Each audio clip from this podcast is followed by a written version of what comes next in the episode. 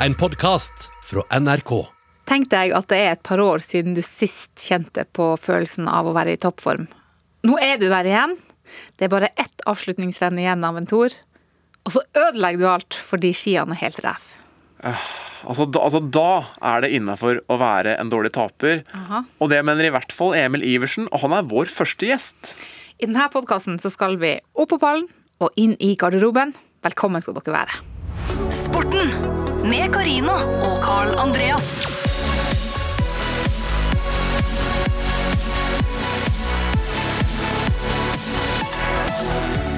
Jeg heter Karina Olseth. Du er programleder i NRK Sporten. Elsker fotball og langrenn, og så er det som en varm fønvind med innslag av storm. Ja, litt mye storm innimellom. Eh, og så har du et deilig smittende humør. Og jeg heter Karl Andreas Wold.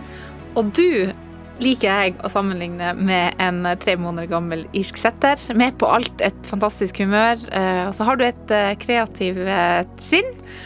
Og så kan du masse om alle de sportene jeg ikke kan noe om. Men da lurer jeg på nå, Karina. Og det, hva er egentlig opp på pallen inne i garderoben, som du sa i stad? Det er egentlig det jeg sier. Vi skal opp på pallen, men vi skal vite hva som ligger bak veien opp på pallen. Hva slags arbeid som er gjort, hva slags omveier man tok. Alt som ligger bak. Og så skal vi inn i garderoben, for det er jo der de mest juicy historiene kommer. Får vi nerding? Det skal nerdes. Får vi behind the scenes? Absolutt. Blir det noen rykter, da? Ja, det håper jeg på.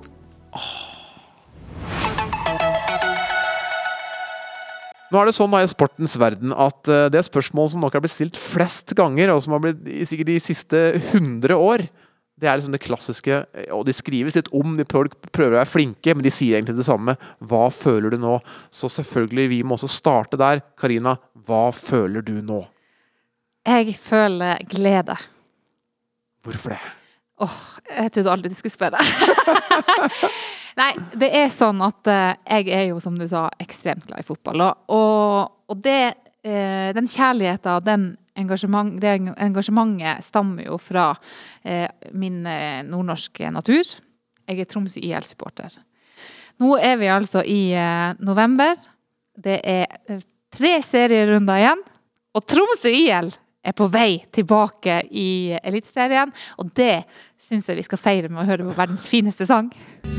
Heia TIL, heia TIL. Det er TIL som Ah, det rart man blir glad?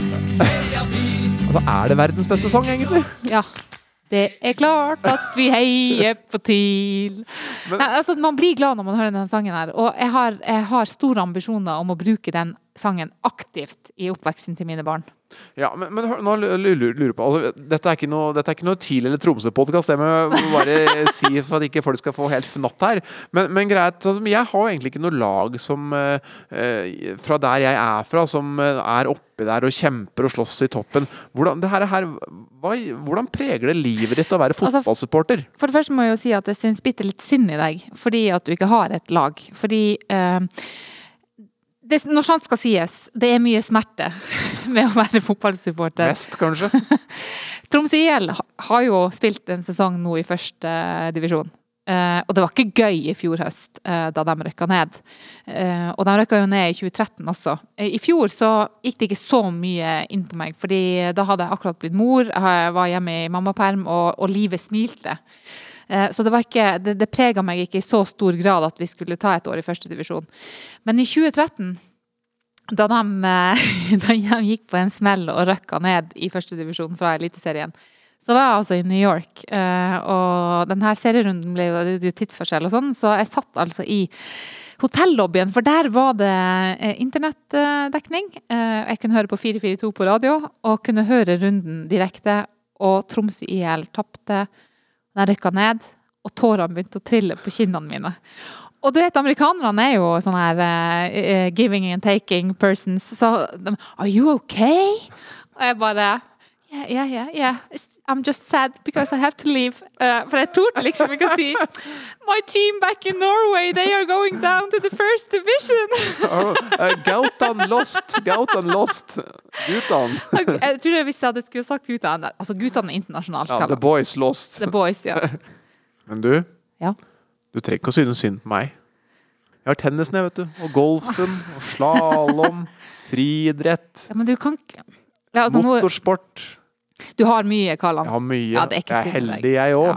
Vi hører litt på tilsangen litt til? Bare en gang til. Fem sekunder.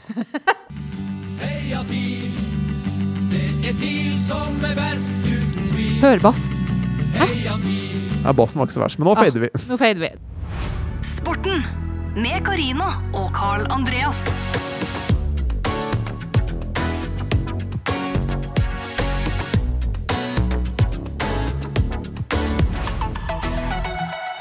En som har eh, blomstra, slått ut i full blomst eh, i ganske voksen alder. Han var aldri noe barnetalent. Det er Emil Iversen. Han er på vei inn i studio, og vi skal få gode historier fra han.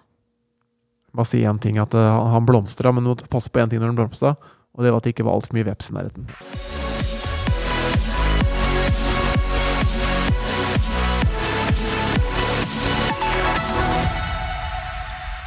Stjerna har kommet inn i studio. Fy fader, ass. Mannen, myten, legenden fra Meråker. Emil Iversen, velkommen. Altså, for en start, liksom! Å druse Emil Iversen i det nå. Ja, for en introduksjon òg. Det var veldig mye. Men ja, det er vel mye som er rett der. Ikke? Det er det. Har du det bra? Ja da, jeg har det bra. Jeg sitter godt der nå på trygg avstand til dere to, og er spent. da. Ja, Jeg er sånn veldig rutinert på podkast, så det er artig å, artig å få være med i første episoden av det. syns jeg er stort. da. altså, du kan trøste deg med at det her er, det er nytt for alle. Altså, vi, vi debuterer alle tre i dag.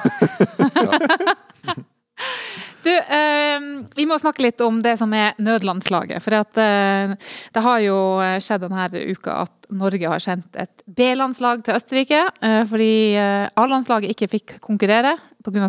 karantene, korona, alt mulig rart. Tror du de som spilte på det her B-landslaget, eh, tror du de, de er like glad som om de hadde vært på A-landslaget? Eh, Nei, det er jo litt nedtur sikkert, men eh, ja, hvis alternativet ikke, blir, ikke får spille, så er det selvfølgelig mye bedre enn det. da. Klarer du å, å sette deg inn i situasjonen og på en måte bli tatt ut til et nødlandslag? Ja, det er klart Ja, det er nok vanskelig å sette seg inn i, men nei, du må nå bare ta de sjansene du får. Da, sånn sett, så det er ikke noe Det er jo positivt, men det er jo kanskje Ja, det er jo B-lag, da. Så Ja. Men er det ikke en kjempesjanse, da, hvis du liksom ikke har vært på landslaget? Plutselig får du liksom sjansen til å kunne liksom få spille en landskamp. Flagget på brystet. Altså Tenk deg å komme med liksom medvind og opp, og liksom, hvis du plutselig lykkes, liksom. Ja, ja, uansett så får du spille den kampen, så har du spilt en landskamp, og det er ikke alle som er forunt å få gjøre det. Ikke. Men det- har jo vært litt sånn, de har jo begynt å surve litt sånn allerede. da, At det, det, er, det er jo ikke så bra lag. Og Martin Ødegaard han har jo hatt det så veldig veldig tøft med de dagene. da, Han har vært så mentalt tøft å sitte på hotell og ikke vite hva han skal, liksom. Så han, han skal ikke spille. Eh, men, men det er jo en annen gjeng som da får, får spille. Kanskje var Martin redd for å tape med det, jeg vet ikke. Men, men, men et nødlandslag i langrenn, da. Hvis du og Martin Jonsrud Sundby og hele gjengen hadde ryket på korona, så måtte vi nei, nå må vi sende B-landslaget i langrenn. Hvor bra hadde det blitt? Nei, det hadde nok blitt uh, veldig bra, altså. Jeg tror det at vi må lenger ned i alfabetet. I Norge er det Hvor mange er dere på landslaget? Eh, Vi er jo seks på sprint og seks på allround, som er på allround. Ja, det er tolv stykker. Det, det er tre relativt gode stafettlag. Ikke sant? Så ved tolv, altså korona på de, da. Karantene er ti dager. Da må du inn på nødlandslag. Da har du tolv nye. Åssen åssen plassering er vi på pallen da? Nei, Det er vanskelig å si. Du, det er jo ikke noe tvil om at du, det blir jo et steg ned. Da. Du har jo en sånn sprinter som Johannes Søfsot Klæbo. Han er jo han finner jo ikke noen annen plass i Norge, så det er klart det er ingen som kan fylle hans sko. Da, så det blir, men jeg tror nok vi har løpere som kunne vært med og kjempa om pallplasser i både sprint og distanse, da, selv om alle vi tolv måtte ha dratt hjem og ikke fått gått skirenn. Ja. Altså det er jo, Når man ser på resultatlista til NM, altså det, er ikke, det er ikke veldig mange sekunder og minutt blant ja, 50 beste. Nei, det er jevnt, ja. Så det, det er ikke mange, det, er, som sier, det er ikke mange sekunder. Så det, men lell, det 20 sekunder kan være en del. Det er på en måte 20 sekunder på en 5 km kan være ganske mye, selv om det føles ganske lite. Så det, det er jo litt nivåforskjell, det. Men eh, absolutt de eh, tolv neste på lista der, de kunne ha kjempa om pallplasser. Men, men nå har vi akkurat fått inn beskjed om at de tolv på nødlandslaget har kommet inn koronasmitte der nå, så de må i karantene. Så nå må nød-nødlandslaget faktisk komme. De tolv neste. Hva er sjansen for pallplasser i verdenscupen da? Nei, da er nok de sjansene ut øh, Hvis du tar bort oss tolv beste, og så tar du bort de tolv nest beste, da er jeg 24 stykk, da, som er Da, da er det ikke noen muligheter for pallplasser lenger, verken på sprint eller distanse. Ja, det, er altså, Dessverre. så, Ja, det, var litt, det var litt godt å høre, faktisk. Ja. Eh, det er så ærlig må vi være. Da er det fra 25.-plass og ned på NM, så er du ikke god nok til å vinne eller komme på pallen i v-cupen. Det Enn hvis man eh, hvis man er, altså, La oss si man er nummer 37 i Norge i NM, og så får man gå et, et, et eh, teamsprint med Johannes. Ja, det blir litt sånn som meg Seefeld. Jeg, jeg, sa det ikke. Nei, det er klart. Det er et jækla godt spørsmål. Hvor mange kunne ha tatt VM-gull eller gull med han Ja. på teamsprint? For han er så god, eller? Eh, er nok ganske mange. Vi skal eh, opp på pallen, for det skal vi jo alltid i eh, denne podkasten.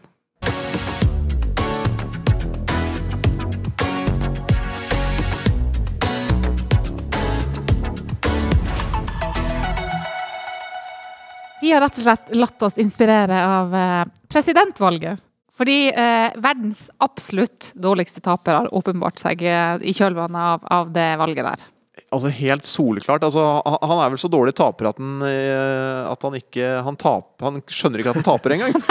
Han har aldri tapt. Altså, det, det er jo liksom Det har gått to uker, og han har fremdeles eh, eh, trang til å si på Twitter I won this election. Altså, på, I begynnelsen syntes jeg det var humor, men nå er det litt sånn Mener han det? Det blir nesten litt sånn skummelt hvis den til slutt får rett, men vi får nå se. da Alt tyder på at den ikke har vunnet det valget. Rett og slett er verdens dårligste taper. Men det er noe sånn at eh, i all sport så slutter det som regel med en pall. Vi får eh, første, andre, tredjeplass eller gull, sølv, bronse som er i mesterskap. Så selvfølgelig, vi må også ha en pall her i sporten. Og i dag så er det da pallen i dårlige tapere. Mesdames et messieurs, médaillés de bronze, Ladies and gentlemen, the bronze medalist. Og da skal jeg til en 19-åring. Og når man er 19, så er det ikke så lett å styre følelsene sine. Og eh, allerede når hun var 19, så var Martina Hingis verdensener i tennis. Men nå har hun kommet til finalen i French Open, eh, og det her er 1999. Og da har hun tatt det første settet, men det er i ferd med å snu. Hun fått eh, Hun ligger under. Hun har fått publikum mot seg. Nå er det matchfall. Hun har akkurat serva en sånn underskruserv, altså underarmserv, og blir bua ut før den avgjørende matchballen. Og Her er det ikke lett å være 19 år, og nå serve med andre serv på matchball.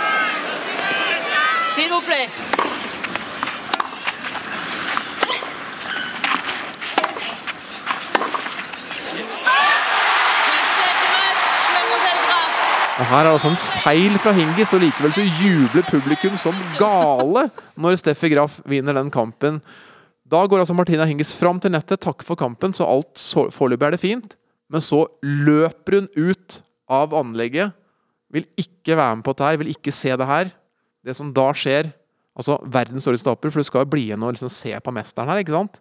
Det som da skjer, er at mammaen må gå ut under Nei, tribunen, hente 19 år gamle Martina Hingis fram igjen. Hun hylgråter, men blir dratt av moren, og må da stå og se på vinneren Steffi Graff. Så hun var en dårlig taper, og dollar til bronse på min liste. Altså, jeg håper at hun blir flau av det nå. Ja, det hørtes litt uh, pinlig ut. Det hørtes ut litt som om jeg må spise fisk da jeg var liten unge. Ble dratt bort til bordet. Det, men det hørtes jo brutalt ut da, at folk satt og bua på henne. Ja. Hun skal få litt for det, men uh, Jeg skjønner at man blir påvirka. ja, jeg skjønner at du blir litt irritert og sur og lei seg, men eh, ja, det var litt Ja, det er pinlig å se på tilbake til at mora di drar deg fram på pallen. Altså. Det må være litt pinlig. Altså, all kred til mora. Foran 20 000 tilskuere òg. Ja, det var helt forferdelig. Er dere klare for min bronse? Ja, nå, nå gleder jeg meg. Ja, nei, det, er ikke, det, det skjønner jeg godt. Uh, vi skal tilbake til 2009. Det er håndball-VM eh, for herrer. Og Norge møter de regjerende mesterne Tyskland i uh, hovedrundekamp. Og selvfølgelig, alle tror at Tyskland skal uh, vinne. Men Norge klarer altså å ha det her laget i, i sin hule hånd. De leder med to mål når det er bare minutter igjen. Og så er det masse rot de siste minuttene. Det er timeout. Eh, Robert Hedin, som da var landslagstrener, han tima timeouten time, time helt mesterlig. Eh, Tveten surra, Kjelling surra. Det var jo de to største stjernene. Jeg husker De sklei på parketten. De så helt hjelpeløse ut. Så det her tenkte jeg, her går aldri. Men pga. at den timeouten ble tatt akkurat da de, da de ble tatt, så holder det altså helt inn. Og Norge slår Tyskland 25-24. Det er igjen fire sekunder, og så sier dommeren at nå må det komme avslutning. Og da kommer det til avslutning, og så er kampen slutt! Og så har vi vunnet! Vi har slått verdensmestrene 25-24. Og hele det norske laget stormer og omfavner Steinar Ege. Har du sett på maken? Og tyskerne er rasende på øh, slovenske dommerne. Ja, det, det, det Og det er akkurat det her bildet, at tyskerne er rasende på dommeren. Eh, treneren til Tyskland heter Heine Brandt. Eh, og bildet av han som går med knytta neve bak dommerteamet etter at kampen er over. Og han er sånn erketysk type med sånn gråsprengt skjegg og bart og, og hår. Håret står alle veier. Han skal drepe dommeren, liksom. Ja. Bare, bare du ser den barten, blir man redd, egentlig. Og, og det jeg tror at jeg, hadde, jeg hadde sikkert mareritt om han, om uttrykket til han der treneren flere dager etter å ha sett det. Jeg glemmer aldri det trynet der. Mesdames et messieurs, médaillés d'argent, Ladies and gentlemen, the silver medalist.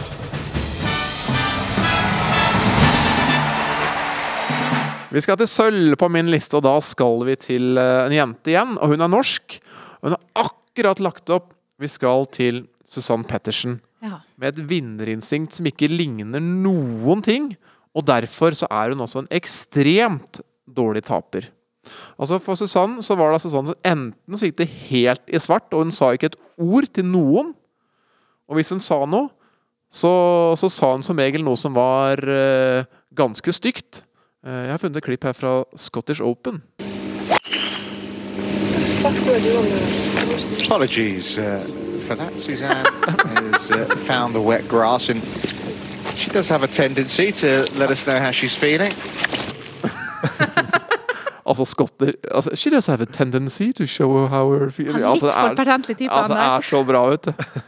Altså, det gikk ikke an å snakke med Susann Pettersen etter at hun hadde Hvis hun ikke på en måte vant og hadde gjort noe dårlig på slutten. Da, da, da, da var det helt uh...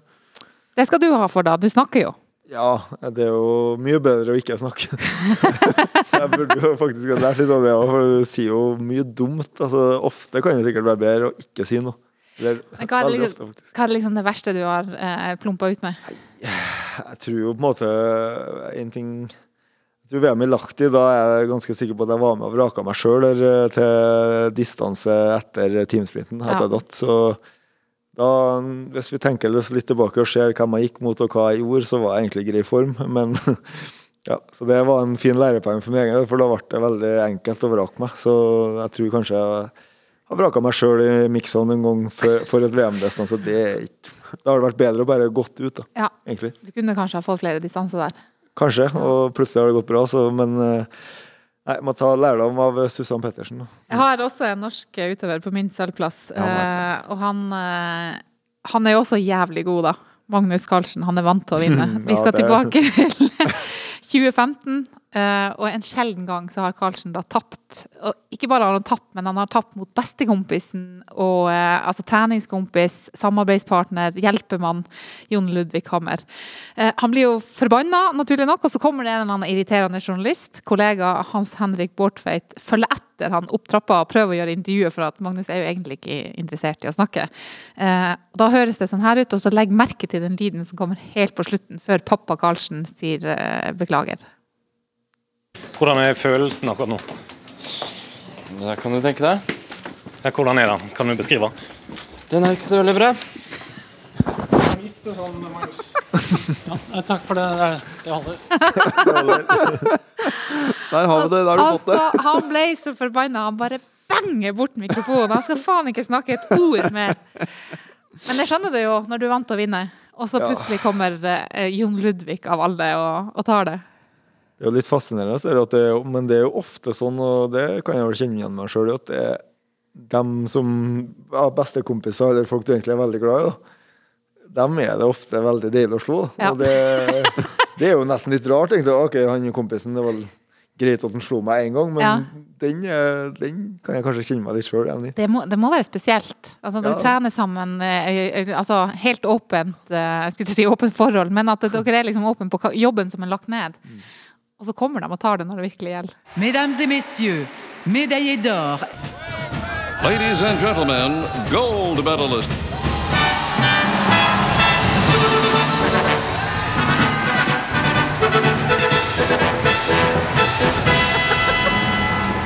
Ja, altså, og da er det Emil Iversen. Nei, det har ikke det. nei, det var ikke så ille. Eh, nei, du nådde faktisk ikke opp. eh, Det var ikke i nærheten heller. Eh, vi skal til en litt spesiell historie nå. Kanskje Ja, jeg mener faktisk at det kan være verdens dårligste taper. Det er snakk om den andre runden i boksekampen i OL i Seoul i bantamvekt.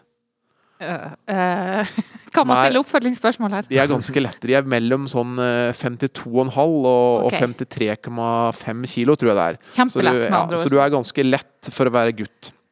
Uh, og det OL der var veldig spesielt, for det, det var mye rare dommeravgjørelser. For, for sørkoreanerne vant alt på hjemmebane i boksing. Så det, det, det er mulig at det var noen ugler i mosen eh, akkurat der. Men i hvert fall i denne kampen så møtte han eh, europamesteren eh, Aleksandr Kristov fra Bulgaria. Og så Dommeren kommer altså med sin avgjørelse. Alle forventer at den eh, sørkoreanske armen skal løftes i været. Men det er altså europamesterens arm som løfter. Og da starter sirkuset. Jeg skal spille av en liten lyd her fra tysk TV. Først vil jeg ha bare et lite tyskkurs med dere. Som, eh, og det er jeg som lytter på, så klart. Hva sist lås betyr hva skjer på tysk. Skandal, det betyr skandale. Risenskandal betyr kjempeskandale. Og attakiren, det betyr angripe. Dette skjer altså etter at dommeren gir seieren til europamesteren, og ikke sørkoreaneren. Koreaners versucht sogar Keith Walker, den Referee, zu attackieren. Schauen Sie, was da los ist. Das ist ein Skandal. Das ist ein Skandal. Jetzt stürmen noch weitere Koreaner rein, versuchen die, den Ringrichter zu attackieren. Zahllose Menschen im Ring. Das ist ein Riesenskandal. Ein Riesenskandal. Her på dette tidspunktet her så tror jeg det er 25 mann som slåss inn i ringen der. Eh, og etter hvert så begynner kommentatorene å rope på 'polizei! Polizei!' og, og politiet kommer. Og til slutt så får de altså roa ned gemyttene her. Det som da skjer, er at uh, Byn Jong-il han nekter å forlate ringen. Så når alle andre har gått, så blir han sittende der, og han sitter midt i ringen i én time. Helt til de som har vært, uh, driver hallen, slukker lyset. Og sørkoreaneren blir sittende igjen. Uh, verdens dårligste taper, spør du meg. og gull på min liste. Uten, uten gull i, i Seoul? Ja, det blir ikke noe gull, Nei, nei. det blir ikke det. Altså Selv om det var tysk og jeg ikke skjønte absolutt alt, så, eh, så er det jo risenskandal. Risenskandal var det. ah, fytti faen. Nei, altså, jeg har, eh, jeg har kampsport på min, eh, min gullplass, jeg også. Eh, Og det er i OL. Jeg vet ikke om det kanskje er litt sånn eh, symptomatisk, det her. Drar seg litt til når det er blir OL, vet du. Altså, OL er én ting, og, og også når det er kampsport. De har det kanskje litt i seg. Enda litt mer aggresjon inn Ja.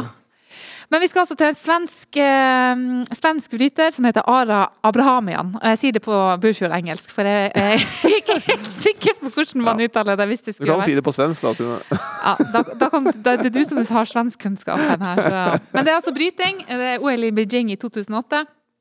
Han har da bryt, vært på brytematta og kjempa mot italienske Andrea Mingosini. Eller Det var burfjord-engelsk. det var Burfjord-italiensk. Da bare legger vi på litt ekstra, så blir det bra. Men iallfall, han mente, altså han her svenske Ara, han mente at han vant den semifinalen. Han ble kjempeoverraska over at uh, det var ikke hans arm som gikk i, i, eh, i lufta. Skjønte ingenting, ble forbanna. Uh, så klarte da lagkameratene hans å, å overtale han til å stille i bronsefinalen. eh, selv om han mente han skulle vært i finalen. Han vant den, men under medaljeseremonien så eh, blir han forbanna, tar av seg medaljen, dryler den i matta og går ut. Og da høres det sånn her ut. Bare sekunder kvar! Bra! Han vinner denna ronden. Och Abrahamian En utrolig otrolig for får si. säga. förbannad utan dess like! Og Abrahamian lämnar podiet i besvikelse. Ja, jeg hadde ingen lyst til å vaske den medaljen til. Så det er litt, de får förstå liksom da varför en idrettskille som har tatt et OS-silver og vill inte, eh, OS-brons vil ikke ens ta imot medaljen og Jeg hadde ingen lyst til å stå i ens prispallen. Ja, men hva faen skal jeg med den OS-bronsen? Ja, det er iskaldt. Han pælma så medaljen. Pælma den i bakken og gikk. Drusa ned i brytematta og gikk. Ble ikke så populært der heller. Jeg har fått trøbbel med mormora mi, jeg også. Det skal være helt sikkert. Ja. Hva hadde han sagt? Nei, jeg har aldri snakka til meg igjen, sikkert. Ja, for altså, OL-medalje er jo OL-medalje. Ja, det er klart det. Det er jo ganske mange som ikke har det, da. deriblant meg. Så jeg ville gjerne ha tatt en OL-bransje, og det tror jeg det er mange andre som hadde gjort. Så det er jo det at man må prøve å tenke litt videre. Men jeg ser for meg sånn, det er kanskje grunnen til at det er litt slåssere. Sånn som er, når det er en dommeravgjørelse òg, så er det klart eh, Da er det ekstra vanskelig, ser jeg for meg, å tape. da, Hvis du i hvert fall mener sånn som i fotball så er det den som skårer flest mål, som vinner. Det er jo ikke noe tvil om. Men, og langrenn er den som går fortest. Men i bryting da, eller boksing og sånn, så er det litt dummere og poeng og sånne ting. da, Som gjør at det faktisk kan være sikkert enda vanskeligere å svelge hvis du mener at det er urettferdig Da. Er du, har du noen konkurrenter som er skikkelig dårlig taper? Ja, det har jeg klart. Hvis jeg skal være litt eh, slem, da, så har jeg jo en litt artig historie om eh, Finn Hågen Krogh. Han er jo en eh, rolig type, eh, men han er en veldig dårlig taper. Ekstremt Han blir sur, det blir svarte øyne. og Jeg har mye historier av han egentlig, men nå skal jeg ta den som jeg husker egentlig best. Det var fra nå i vinter, når det var skitur i i Granåsen så var det litt snøvær den siste dagen. Han har egentlig gått bra helt fram til da. og uh, Hadde dårlig ski. Eh, fikk et forferdelig dårlig skirenn og dermed dårlig sammenlagt plassering. Han starta ut nummer tre og kom i mål sånn 10-15. Ja, rasende dunka ned på lista, i hvert fall. Og så kommer vi inn i teltet, det var sånn lite ombyttetelt der vi sitter og vurderer. Jeg er fornøyd, for jeg har gode ski, gått meg litt opp, og ja, vi diskuterer. Så går det kanskje fem-ti minutter, så bare Hvorfor reiser han seg fra, fra benken, uh, finner fram rennstavene sine? Det er jo ikke helt bra, her, det er jo ikke etterfølgelse. Så, så han som om du knekker pinnen pinnved da, før du skal ta et bål. Ikke sant? Bare knekke og knekke og knekke. og det ligger egentlig bare med en liten haug med staver. Og så, OK, greit, uh, to staver har blitt en haug, og så går den tilbake, setter seg. Så går det kanskje et lite minutt, men så ser du at det kanskje er igjen en liten bit. Nei. Ja, staven så er tilbake og knekker den. Absolutt alt er bare pulver. For meg er det noe av de største idrettsøyeblikkene. Fy fader. Men ja, han, da, er- da får han ut aggresjon. da. Ja. Og da er det bedre igjen etterpå, da. men han er nødt til å gjøre noe litt sånn ødelegge noe, eller ja. han, da. Men, Det er bra han ikke lar det gå utover dere. Ja, det er flaks at ikke han er som han tyske treneren og maner til slåssing, for da er det mange som har vært i trøbbel. Og så er han jo så rolig og sindig egentlig til vanlig, vet du. Ja. Men eh, når det skjærer seg, da Men jeg kan se for meg at han er svart i øynene. Ja, han er, Det det, kan bekreftes. Ja. Det, han har vel rasa gjennom mediasonen mediasonen ganske mange ganger, jeg tror jeg egentlig. Det er noen ganger vi har stått der og venta, ja. ja. Du kjenner på det. Men vi har jo invitert deg hit fordi um, vi syns at eh, du er en, eh, en som leverer bra. Uh, og vi har jo gjort litt research for å, for å finne ut uh, litt om deg. Uh, fordi at, som sagt, du er jo en ærlig taper, og du holder jo heller ikke så mye igjen når du blir intervjua. er, er det bevisst? Nei, uh, ingenting av det jeg gjør eh, er bevisst. det er bare det, Ting blir som det blir, så det er ikke noe jeg tenker så mye over. Men uh, nei, det Jeg prater for mye, det, det er jo ikke noe tvil om det. Men uh, For det, I sted så sa du jo at du har erklært deg sjøl som verdens dårligste skiløper, og kanskje eh, gitt ifra deg noen plasser du egentlig burde hatt. Men, men det. at du sier det, eh, eh, der og da, mener du det? Ja, det tror jeg egentlig at jeg gjør, ja. Uh, absolutt. Men uh, det Ja. Der og da mente jeg nok det, men da er det det som gjør at jeg er litt for korttenkt. da, Så klarer jeg ikke helt å Følelsene tar overhånd, eh, så det Ja. Det er jo selvfølgelig ikke rett, men jeg tror faktisk jeg mener det jeg sier. ja. Men det går fort over igjen. Ja, det er godt. Men vi får jo med oss Altså vi har jo fått med oss alle de gangene du på en måte har sagt ting, og, og andre har blitt irritert, eller du har sagt greier, men, men, men øh, Og så løser det seg. Men hva, hva skjer egentlig etterpå? Hvordan er du på en måte på bakrommet? Hvordan er du bak kulissen når du, du må, Jeg regner med du har blitt kalt inn på teppet noen ganger. Hva skjer da? Ja, nei, altså Har jo blitt kalt inn på teppet noen ganger. Men uh, jeg vil ikke si at jeg er noe sånn utprega trøbbel. Eller jeg tror ikke jeg skal ødelegge så mye for andre. egentlig. Jeg blir ikke, heller ikke veldig langsint heller. Nei, men Hva skjer etterpå når du blir kalt inn på teppet? Legger du deg flat, eller hva, eller, hva sier du da? Da må jeg nå ofte legge meg flat, ja, som regel. Da har de jo rett, de som kaller meg inn. Og her, herre burde jeg ikke sagt, eller noe sånt. Og da Um, Da er jo den samme Det er jo sånn fast linje her, da. Nei, jeg det- Følelsene tok overhånd, det var ikke meninga. Og det går de jo på, da. Men, så det, det er bare, det er bare å legge seg flat og si unnskyld, og så, ja. Jeg er ikke perfekt, nei. Det er jeg absolutt ikke. Men ja, det, det er jo litt Jeg opplever som at øh, folk setter pris på at det blir at du viser litt følelser og sier litt ting og sånn òg, så det er egentlig øh, ja, kanskje greit at noen gjør det. Men sier du sånn 'det skal aldri skje igjen'? Nei, nei, nei. Det, så dum er ikke jeg. Nei, det sier ikke jeg, nei, men jeg skal prøve at det ikke skjer igjen. Det kan jeg si. Vi har eh, eh, Altså, at du blir satt pris på for at du går fort på ski og at du er ærlig, det er jo ingen tvil. Men, men det er også en annen ting Emil er, er veldig god på, Kallan. Frode Estil. Ja, ja, det har jeg fått høre. For at du har nemlig fått skryt. Og det er særlig for at du var god til noe i oppveksten. Kan du tenke deg noe hva, hva det kan være som du har fått skryt av at du var bra til i oppveksten? Ja, enkelt for meg å tenke seg til det, for det er veldig få ting det kan være. da. Ja, Så hva er det? Hva er det? Jeg antar at det er å klippe den. Det er helt riktig. det er riktig. jeg knallgod på. Det er, jeg kjenner ikke mange som er bedre enn meg til å klippe Fort- Fortell litt om hvordan det, der, hvordan det var. Nei, altså hvorfor? Det er for at jeg Altså, jeg, jeg, jeg vet ikke, men Eller jeg har en forståelse av eller jeg, hvordan en plan bør se ut. Ikke sant? Rette linjer, ikke noen helligdager, tett oppunder buskene. og ja. Er nøye, da, kan jeg si. Det er vel egentlig det.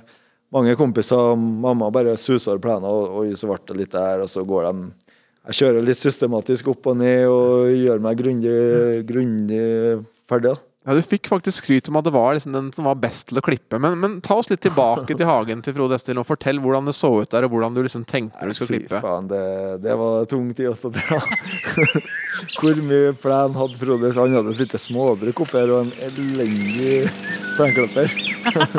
er, det, er det videoklipp fra den tida? Får du flashbacks? Ja, det, det er litt vondt å tenke på. Og så vet jeg jo det at eh, han jo sikkert kanskje har sagt det, men det var jævlig mye kvaks og humler Jeg var sorry. En- ene sommeren ble jeg stukket seks ganger. Det er så sykt å se det. Jeg har hatt kvakkskrekk. Veps, da, som det sikkert heter lenger sør i Norge. Men bærbuskene på én plass, da, så det kan være fire-fire som står på rekke, og så fire-fire og fire-fire. Så det er en liten sånn ja, korridor med masse bærbusker. Så da, når du er midt inni der, da, så er du egentlig omsverva av Og du har ikke noe på en måte retrettmulighet heller, så det, jeg var nervøs husker jeg, når jeg var inni der. Så det, ja, det er jo litt flaut, men jeg var redd. Jeg er egentlig det ennå. Men, men hadde Frode Estil noe, noe Gjorde han noe med dette her for å hjelpe litt til, eller? Ja, han gjorde det. vet du. Han var en snill kar. Jeg husker han kom eh, Ofte kom han med litt brus til meg. Eh, Det var jo litt synd eh, for men gledelig der og da. Men han, jeg fikk en bursdagsgave av han, og det var en sånn svær sånn netting over ansiktet og over hendene og helt ned til midja. Så da følte jeg meg, da kunne jeg senke skuldrene litt, og da, så det ble revolusjonerende for plenkløpinga. Så jeg fikk en ja, jeg, altså, Jeg tror ikke dere har sett noen andre klippe plen i en sånn drakt. Det er sånn smittevern, ligner nesten på sånn smitteverndrakt. Det, det så ikke bra ut, men øh, ja, det funka veldig bra. Men hva gjør du nå da hvis du sitter ved et bord og spiser, og så kommer det, kommer det veps ved bordet liksom oppi foran deg? Hva Nei, gjør du nå er jeg jo erfaren kvaks... kvakkskrekkmenneske, uh, si, så jeg, nå vet jeg at det er å holde roa som er tingen.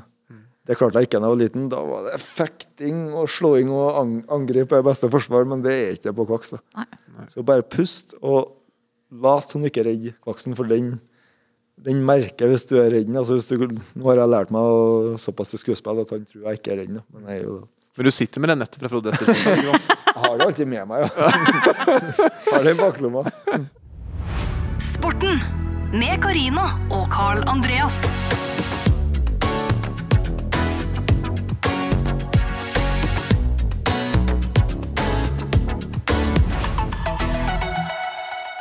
Vi har blitt fortalt at du fikk veldig hangup på en spesiell eh, type serier en stund. La oss høre lite eksempel. Investigating some of the worst aviation disasters in history. Mayday, mayday! The new season of Mayday premieres Wednesday, June 5th at 9 Eastern, only on Discovery. Ja, det fins en del sånne flight investigations-serier eh, altså som ser på fly som har krasja. Har du sett noe på sånne serier, Emil Iversen? Ja, dere har gjort bra research, altså. Her er ting jeg nesten ikke husker sjøl. Men ja, da er det jo det Flyhavarikommisjonen eh, det siktes til her, da. Ja, har du sett noe på det? Ja, jeg har det. det måtte jeg slutte med. Hvor mye så du på det? Jeg så mye, altså. Jeg var interessert i det, men eh, jeg husker en gang jeg var til Syden eh, for ganske mange år siden. Eh, Da reiste jeg alene. Og da, da levde jeg meg inn eh, Da ble jeg så redd, og da levde jeg meg inn i en av de flystyrtene jeg har sett eh, på. Så jeg følte at eh, flyet bikka til sides, for det var en ulykke der motoren hadde falt av på ene sida. Og da skjønte jeg at her er, nå må jeg nå må jeg slutte med Jeg tror ikke jeg har sett Flyhavarikommisjonen senere etter det. Nei, for, for du, så, du så mye på det, og så fikk du rett og slett ordentlig flyskrekk. Hvordan, hvordan var det? Jeg hadde skikkelig flyskrekk. Jeg var da jeg satt nest Jeg tror jeg satt med tårer i øynene den eh, flyturen, og det var jæklig slitsomt. Eh, Det er jo ikke noe artig, sikkert mange, mange av lytterne som kan kjenne seg igjen og vet hva flyskrekk er, da, men eh, Nei, du er skikkelig redd, ja. Så det det som gjorde at jeg egentlig kvitta meg med det, da, det er at jeg måtte jo, jeg måtte jo fly mer og mer etter hvert. eh, Så måtte jeg kutte ut og se Flyhavarikommisjonen. Men det var en gang i tida jeg skulle gå et U23-mesterskap i Elserum. Elserum det ligger jo da sikkert ganske langt øst i Tyrkia, tror jeg. Eh, På grensa til Syria og Irak og helt ned der en plass. Eh, Og så skulle vi hjem derifra. Da var det første flyreisen var mm, innenlands i Tyrkia. eh, Fra en sånn ja, liten by sikkert i Tyrkia. Det var snø, og det var stappfullt med fly og fly, skiposer og skiutstyr, skiløpere og sånn. Da husker jeg at uh, de sa nei, vi må lesse av, det er altfor fullt flyet. Det er altfor tungt. Og da altså, går det her bra, da går alt bra.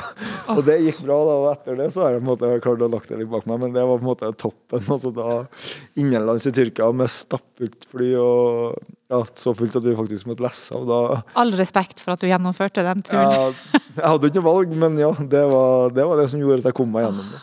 En, en liten digresjon fra meg. Jeg hadde dekka Dakar Rally, altså med Pål Hans Ullevålsæter, gjennom hele Afrika. Og så skulle vi fly tilbake fra Dakar til Paris. Så sitter vi i et fly, det er 35 grader, fly står der står der én time, så får vi plutselig høre fra kapteinen This plane is shit. We, we, take, we take another one. Så alle blir bare loset. Vi går ned på rullebanen, går over et annet fly. Like dritvarmt, ikke sant? Og det har jo det har ikke stått på noe aircondition, ingenting. Sitter vi i det flyet i en time, og så kommer det beskjed This plane is shit too, we take first one. og tilbake til det første, og opp i lufta. Da hadde jeg litt samme følelse som deg, at dette her eh, lander jeg nå, så Da er vi, Da er vi der. Da, Du vet hva, du, der, må, der og da så må du bare fokusere på at han, han, har, han har ikke engelske ord nok til å forklare at det her er det, det, er et- det er et OK fly. Og, og så hørte jeg Ullevålseteren bak sånn I think it's ok! Og da var det på positiv, han, måte. Han var jeg like blid, han, Ja, vet han er du. ja. Sporten med Karina og Carl Andreas.